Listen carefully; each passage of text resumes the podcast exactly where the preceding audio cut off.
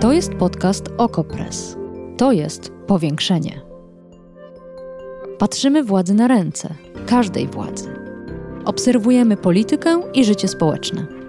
Ustalamy fakty, komentujemy wydarzenia i przede wszystkim rozmawiamy z Wami i z naszymi gośćmi. Zapraszam, Agata Kowalska.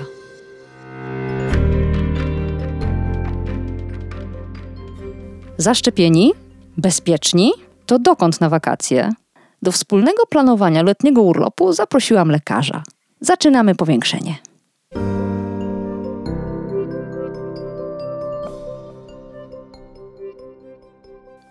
Przede mną otwarta walizka, nieco oszczędności, zaświadczenie o dwóch szczepionkach i mapa świata. Ach, jest też ze mną dr Paweł Grzesiowski, ekspert Naczelnej Rady Lekarskiej do walki z COVID-19. Dzień dobry.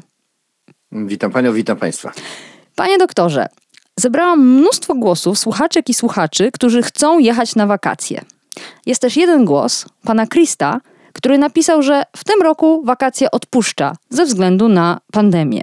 I zastanawiam się, czy to jest ten jeden, jedyny słuchacz, którego pan pochwali.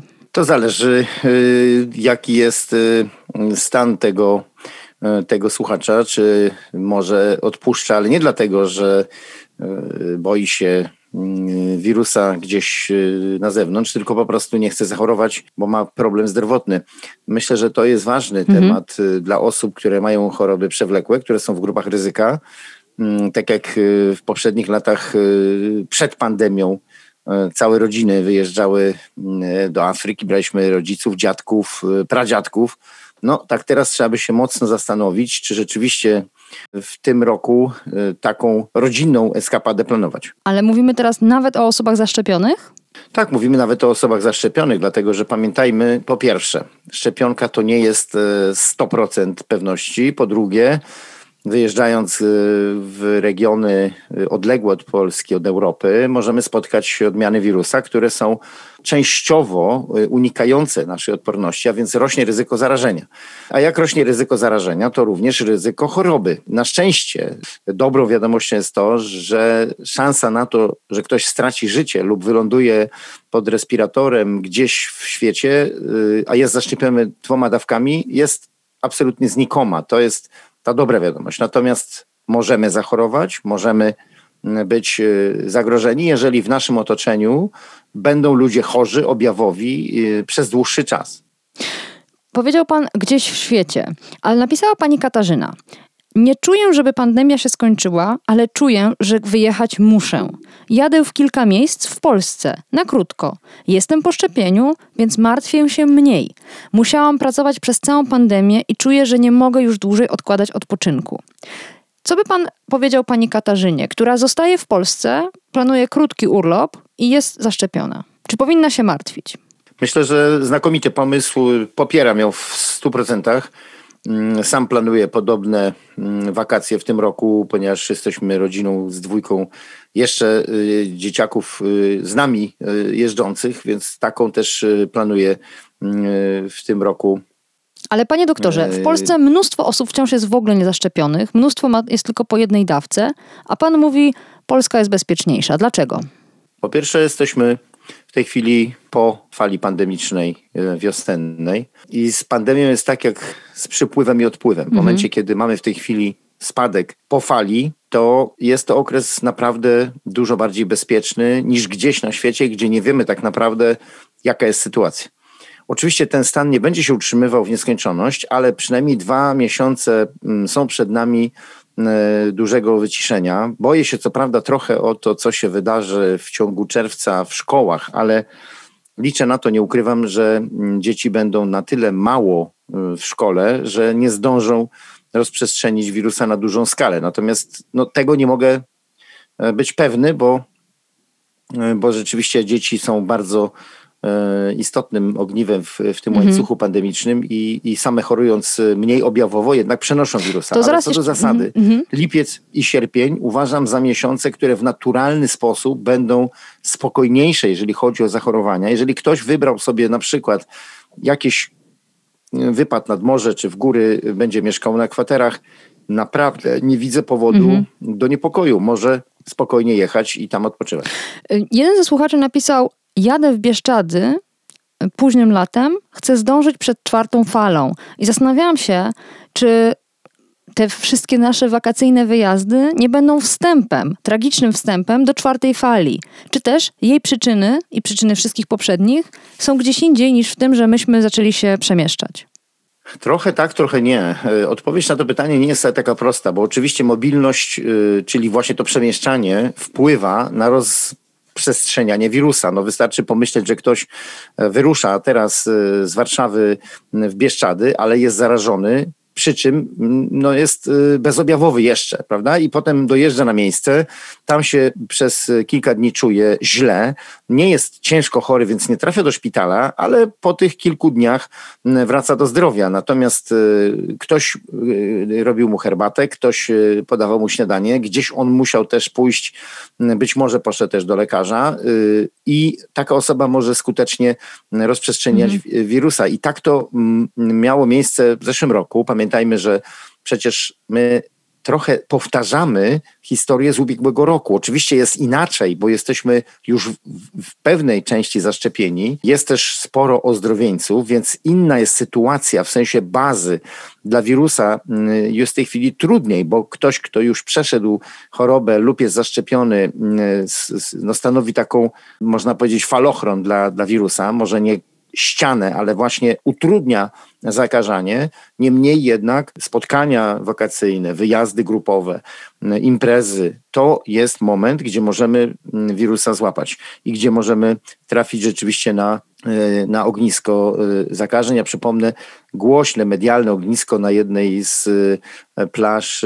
Zorganizowano imprezę na jakiejś łodzi, 200 czy ileś osób, z czego potem chyba 40 zachorowało, więc tak to trzeba mm, też y, traktować. My musimy być czujni w momencie, kiedy idziemy na spotkanie, gdzie jest dużo osób, mała przestrzeń, oddech w oddech i wtedy rzeczywiście wirus będzie miał żniwa. Ale panie Także musimy nad tym, nad tym zapanować. Panie doktorze, powiem panu coś y, osobistego. Ja po drugiej dawce szczepionki Poczułam się nieśmiertelna. Tak strasznie bałam się zachorować przez ten ostatni rok, że kiedy wreszcie dostałam tę drugą dawkę i już wiedziałam, że ona zaczęła mnie chronić, to poczułam, że już nic mi nie zagraża.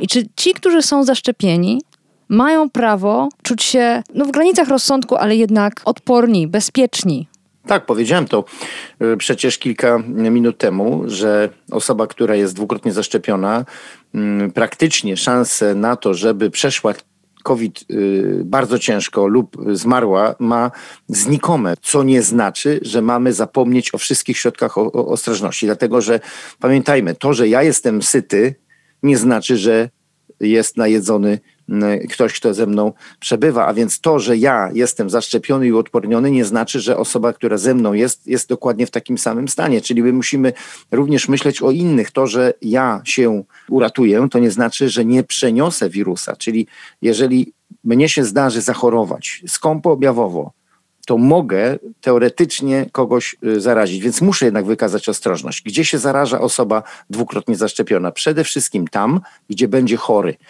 bezobjawowy nosiciel y, osoby zaszczepionej dwukrotnie nie zarazi. Natomiast jeżeli przy mnie będzie ktoś, kto gorączkuje, ma kaszel, ma objawy typowe dla COVID-u, bóle mięśni, osłabienie, to ja muszę w tym momencie zakładać maseczkę. Nie można mm, traktować osoby, która jest zaszczepiona, jako takiego człowieka ze stali, który jest po prostu w jakimś totalnym kokonie i jest chroniony przed wirusem. Mm -hmm, Niestety tak nie jest.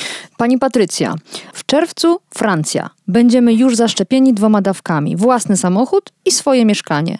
Szkoda tylko, że dzieci nie zaszczepimy do tego czasu. Co z dziećmi? Na ile one są zagrożone, a na ile one są zagrożeniem? Z jednej strony mamy w tej chwili mm, no już ponad y, roczną obserwację y, i wiemy, że dzieci chorują łagodniej, to nie znaczy, że nie chorują, bo część myśli osób, że dzieci w ogóle nie chorują. Tak nie jest. Dzieci chorują i to masowo, natomiast chorują na tyle lekko, że my tego możemy nie zauważyć, możemy to przeoczyć.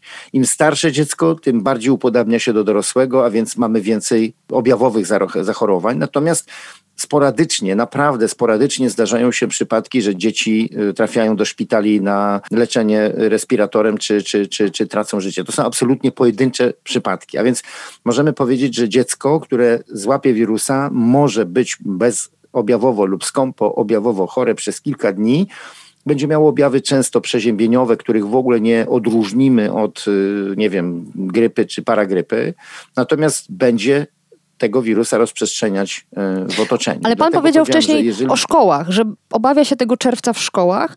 Zastanawiam się, co by pan powiedział rodzicom, którzy chcą zabrać dziecko na plażę, gdzie będzie mnóstwo innych dzieci, do aquaparku albo y, jakąś inną rozrywkę, gdzie po prostu kłębi się tłum mniejszych i starszych dzieci.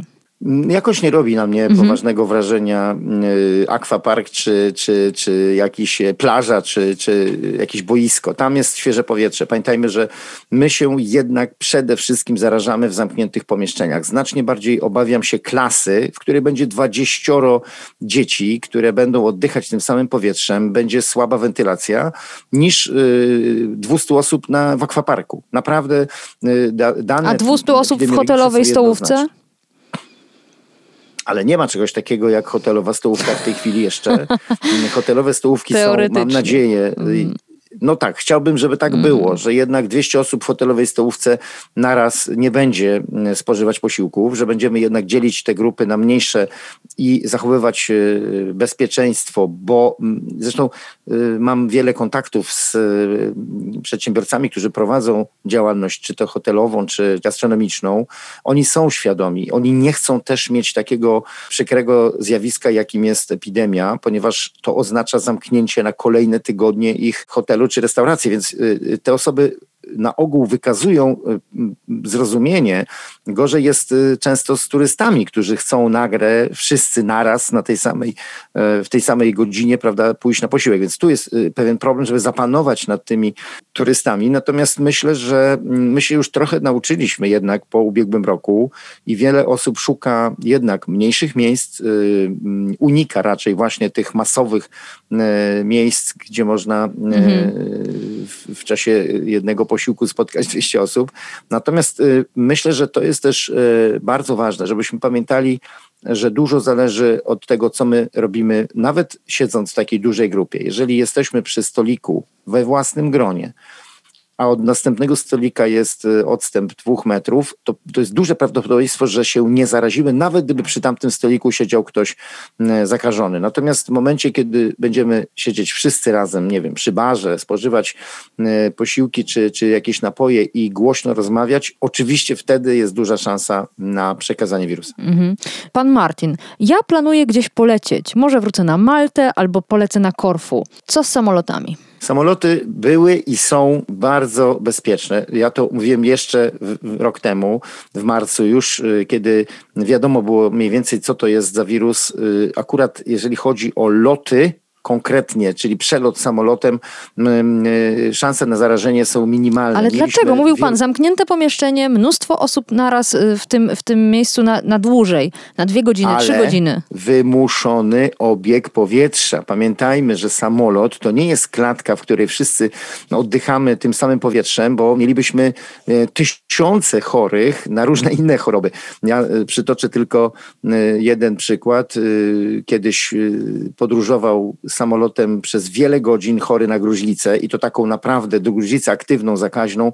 Y, zmieniał samoloty kilkanaście godzin, był w podróży, nikt się nie zaraził, a gruźlica jest znacznie bardziej lotnym y, patogenem niż y, koronawirus. A więc my możemy w dużej mierze w samolotach liniowych czuć się bezpiecznie, dlatego że system powietrza jest tak kierowany, tak jest regulowany, że nie ma możliwości y, dużej koncentracji wirusa y, w kabinie. No to... Mamy tam zresztą też rozrzedzone powietrze, to jest nie, to nieco mhm. inne powietrze niż my normalnie oddychamy w pomieszczeniach. Także y, proszę zwrócić uwagę, że zakażenia, przecież latamy samolotami przez całą praktycznie pandemię z pewnymi drobnymi tylko ograniczeniami. Nie było masowych zachorowań w mhm. samolotach. Dużo gorzej na przykład sytuacja wygląda w autobusie, gdzie mamy dużo słabszą wentylację i dużo bardziej. E, to znaczy mówimy o no, autobusie długodystansowym, bo taki, który jeździ tak. po mieście, co chwila otwiera drzwi na przystankach i jest chyba bezpieczniejszy niż nasze własne mieszkanie. A panie tak, doktorze... Tak, mówimy właśnie o mhm, autobusach mm, liniowych, tak. tych, które na przykład przez kilka godzin podróżują yy, i właściwie robią niewiele przystanków mm. i mhm. tam, jeżeli dobrze system wentylacji nie jest wyregulowany, to może być problem. No i mamy tutaj słuchacza, który marzy się podróż do Azji, nie realizuje tego marzenia, ale chciałby wiedzieć kiedy. E, co z Azją, co z Afryką, co z tymi kierunkami wakacyjnymi? Czy one są całkowicie zakazane ze względu na mutację wirusa? Mamy w tej chwili sytuację niepewną, tak bym powiedział. Mhm. Wolałbym planować wakacje w strefie, gdzie jestem świadom tego, co się dzieje. Wiele krajów y, afrykańskich czy azjatyckich nie ma jasnej sytuacji. Y, część krajów ukrywa albo nie bada, albo ukrywa wyniki. Nie są one podawane do opinii publicznej. Tak, słynny Zanzibar. No właśnie, my nie do końca wiemy, jaka jest tam sytuacja. Mm, I to jest moim zdaniem główny problem, bo afrykański mutant, afrykański wariant, ten B1351 jest najbardziej niebezpieczny. Niestety on najbardziej się wymyka naszej odporności, w związku z tym... Dla zaszczepionych? Oczywiście tak, również tak. Mhm. Ten wariant ma największą siłę, można powiedzieć, w stosunku do osób zaszczepionych. Musimy być tego świadomi, że podróże właśnie w tym kierunku mogą być jeszcze dodatkowo z tego powodu niebezpieczne. Ale oczywiście to też wszystko zależy, co będziemy robić na miejscu, bo ja zawsze podróżującymi przeprowadzam krótką rozmowę. Co będziesz tam mhm. robił? Czy jedziesz bardziej w, w, takim systemie trampingowym, czy będziesz mieszkał w hotelu, czy będziesz mieszkał w kwaterach jakichś prywatnych? Co będziesz tam jadł? Gdzie będziesz y, robił zakupy? Jeżeli to wszystko sobie przemyślimy i mamy maseczki, naprawdę nie ma problemu, żebyśmy nawet występowali w miejscach, gdzie jest sytuacja niepewna, bo maska FP2 jest tym, co chroni nas w sposób skuteczny nawet w warunkach szpitalnych. Ja przecież całą pandemię w pracy chodzę w masce FP2 i nie zaraziłem się i wielu moich kolegów, koleżanek z pracy. Tak Dezynfekcja tak rąk? Oczywiście, czas? dezynfekcja mhm. rąk, czujność. Jeżeli ktoś przy nas kaszle, ktoś przy nas widać, że czuje się źle, nie wiem, gorączkuje, jak my to mówimy, tak się pokłada, jest, jest niepewny. W takich sytuacjach od razu wyciągamy maseczki, nie bójmy się tego. Ja nie chcę być chory, i nie chcę przenosić wirusa na otoczenie mm. moje. I dlatego maseczki powinny być absolutnie nowym elementem wyposażenia podróżnego. I to maseczki FP2, nie maseczki chirurgiczne. Pamiętajmy, taką maskę FP2 możemy używać cały dzień. Nie trzeba jej zmieniać, nie trzeba jej wyrzucać. Mamy ją, że tak powiem, e, zapakowaną często w takiej oddzielnej torebeczce, więc jest to bezpieczne i moim zdaniem najskuteczniejsze w walce z wirusem. Druga sprawa, chusteczki nasączone płynem do dezynfekcji. W każdej chwili możemy sobie przetrzeć ręce na lotnisku, w poczekalni, gdzieś będąc w środku e, buszu, możemy wyjąć sobie taką chusteczkę, przetrzeć ręce i mamy, e, mamy mm, poczucie i przede wszystkim mm, skuteczny e, sposób zabijania wirusa. Trzecia sprawa to jest jednak obserwacja otoczenia i sprawdzanie czy rzeczywiście jesteśmy bezpieczni w rozumieniu takim, czy w naszym otoczeniu nie ma ludzi chorych, bo te osoby, które są objawowe, jednak zarażają najsilniej. No, warto też spytać, czy nie są po prostu po drugiej dawce moderny. No wtedy też człowiek się pokłada i wydaje się, że nie dożyje następnego dnia. Mówię z własnego doświadczenia. Panie doktorze, nasza rozmowa zatoczyła koło, ponieważ okazuje się, że te pana słowa ostrzegające przed przebywaniem w dużych hotelach mogą dotyczyć też tych osób, które nie wiedzą, skąd wraca osoba, e, z którą są w tym hotelu w Polsce. Bo może to jest ktoś, kto niedawno pojechał do Afryki, nie dbał tam o siebie, nie przestrzegał tych zasad, które pan wymienił, a teraz na przykład rozprzestrzenia mutację wirusa po jakimś miłym hoteliku e, w Polsce. Więc to też chyba o to chodzi, że nie możemy być pewni, gdzie byli inni ludzie i co robili wcześniej. Tak, aczkolwiek duże hotele to też, e, pamiętajmy, to są często hotele mm, o wysokiej jakości wentylacji. Pamiętajmy, że powietrze to jest tak jak woda w basenie. Proszę sobie to wyobrazić. Na przykład ktoś wpuszcza do wody y, w basenie ciemny tusz i my widzimy, jak ten tusz się rozcieńcza w wodzie basenowej, ponieważ ona jest cały czas wymieniana, uzupełniana na nową, no to za chwilę tego tuszu już tam nie ma. Dokładnie to samo dzieje się z powietrzem. Jeżeli ktoś wpuszcza do powietrza wirusa, ale jest duża wymiana, to możemy być bezpieczni. E, w tej chwili na przykład w Wielkiej Brytanii sugeruje się wyraźnie, w tej chwili takie trendy są, aby montować w, w, w ważnych pomieszczeniach właśnie takich zamkniętych, gdzie są grupy ludzi, e, mierniki stężenia dwutlenku węgla, bo to może sygnalizować, że powietrze w danym pomieszczeniu po przekroczeniu pewnej wartości e, właśnie stężenia dwutlenku węgla jest już nieświeże to oznacza, że może w nim być koncentracja wirusa na tyle wysoka, że może być mm -hmm. to mhm. niebezpieczne mm -hmm. dla ludzi, którzy w tym pomieszczeniu są.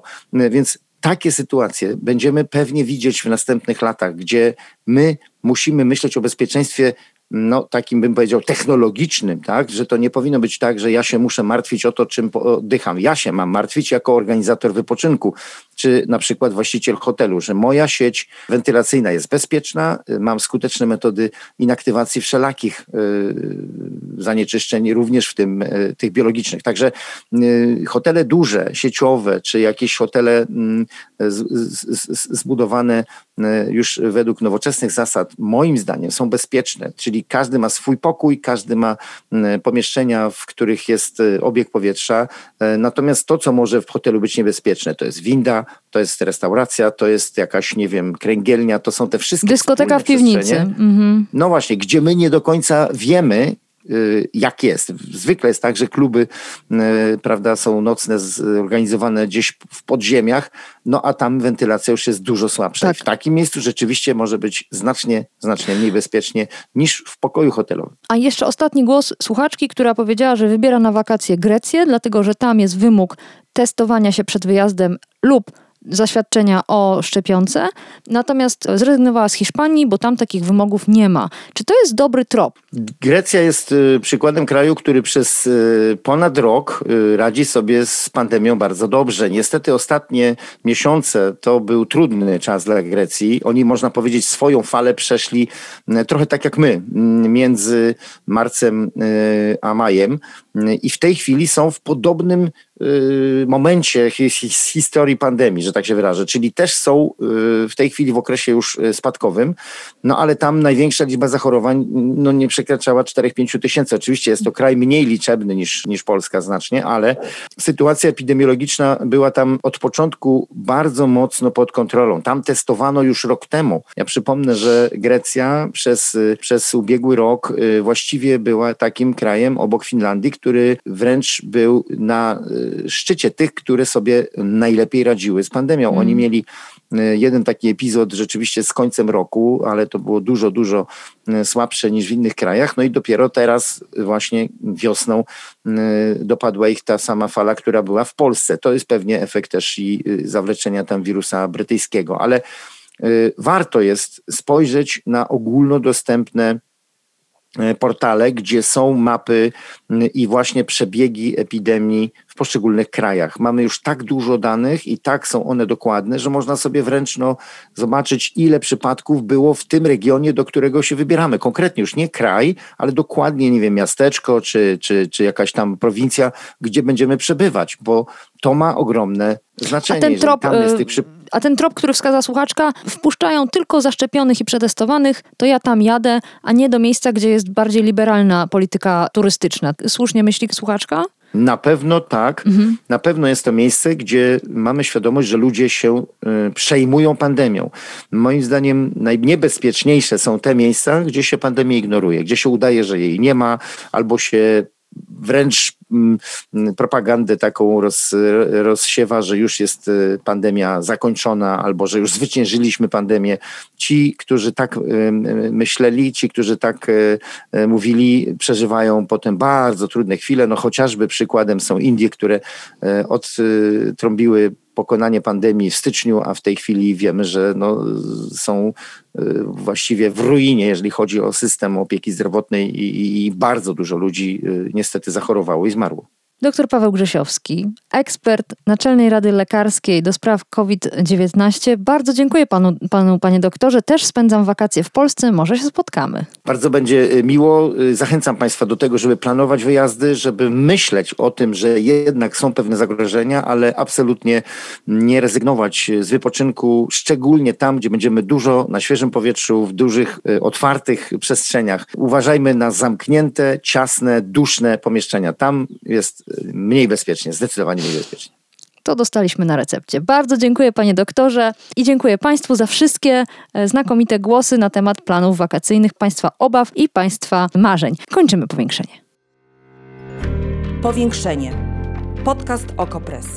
Prowadzenie Agata Kowalska. Podcast znajdziesz na stronie Okopres i w Twojej ulubionej aplikacji do podcastów. Redakcja Okopres działa od 2016 roku. Jesteśmy obywatelskim narzędziem kontroli władzy, obecnej i każdej następnej. Okopres utrzymuje się z Waszych darowizn. Wesprzyj nas, byśmy mogli działać dalej.